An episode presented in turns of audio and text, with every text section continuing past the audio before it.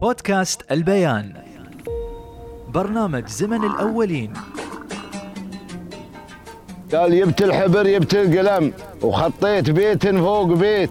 بكتب مقال محترم على القهوة يوم ابتديت. رمز الضيافة والكرم تاريخ عن أصلش قريت. يا القهوة اسمش علم في كل دولة وكل بيت.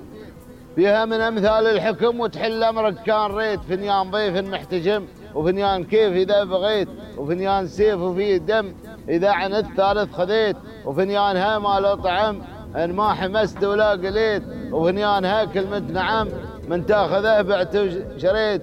هذه أمثالي واستلم لي ما سمعت ولا دريت. بوصيك غنم واغتنم عند العرب خبره وصيت. يا القهوة حكمش لزم وأنا على حكمش مشيت.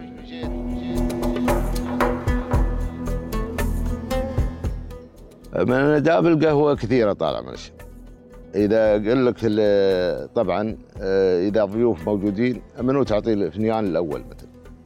تعطي له أكبرهم إذا جايين مثل مجموعة عشرة أنفار أو خمسة أنفار أو زايد لازم لهم رجال عندهم كبير يا شيخ يا في منصب أو كبير سن أو عمهم.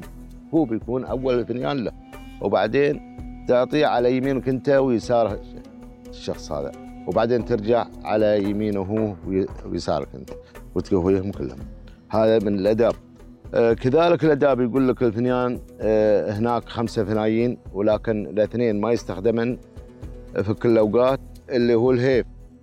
ما يستخدم إلا في أيام الخوف. يوم الناس عندهم خوف وهذا ومريت أنا على قبيلة وجيت وقربوا بي وجيت عندهم ما بيعطوني فنيان على طول. اللي يصب قهوة بيشرب فنجان قدام المجموعة كلها.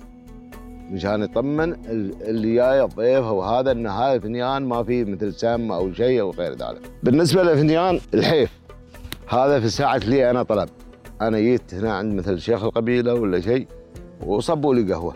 مسكت الفنجان ونزلت الحال بيسألوني خير إن شاء الله. يا إذا فهموا أرواحهم بيقولوا خلاص اشرب فنجانك وطلبك مجاب. ويمكن يقول لك لا شو عندك؟ بتقول أنا طلبي كذا. يقول شرب فنيانك وإن شاء الله أمورك طيبة.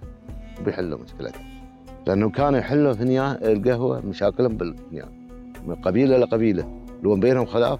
دخل قبيلة ثالثة فنيان قهوة يحلون. بيجي شيخ قبيلة ثالثة وبيجي عند شيخ القبيلة ذي وذور ذا شيخ القبيلة بيص... مقهوي بيصب له قهوة. هذا شيخ القبيلة بينزل. ذاك مرة من يشوفه قال له ترى فنيانك وكان عندك طلب إحنا حالين إن شاء الله. بيشرب فنيانه وبعدها بيخبرهم بطلبه يقول أنت وفلان.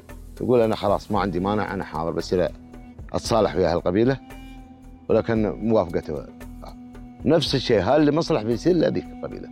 وبيسوي بينهم من يتفقون بيجي ويصالح بينهم هو فنيان قهوه اللي يصلح بينهم القبيه كانت سادة بس لما توفرت عندهم الهيل ما هيل قاموا يحطوا يحبوها بهيل الناس والهيل ترى زيادة أنا بصراحة بالنسبة لي أنا ما أحب خفيف دائما يكون لأنه الهيل نكهة.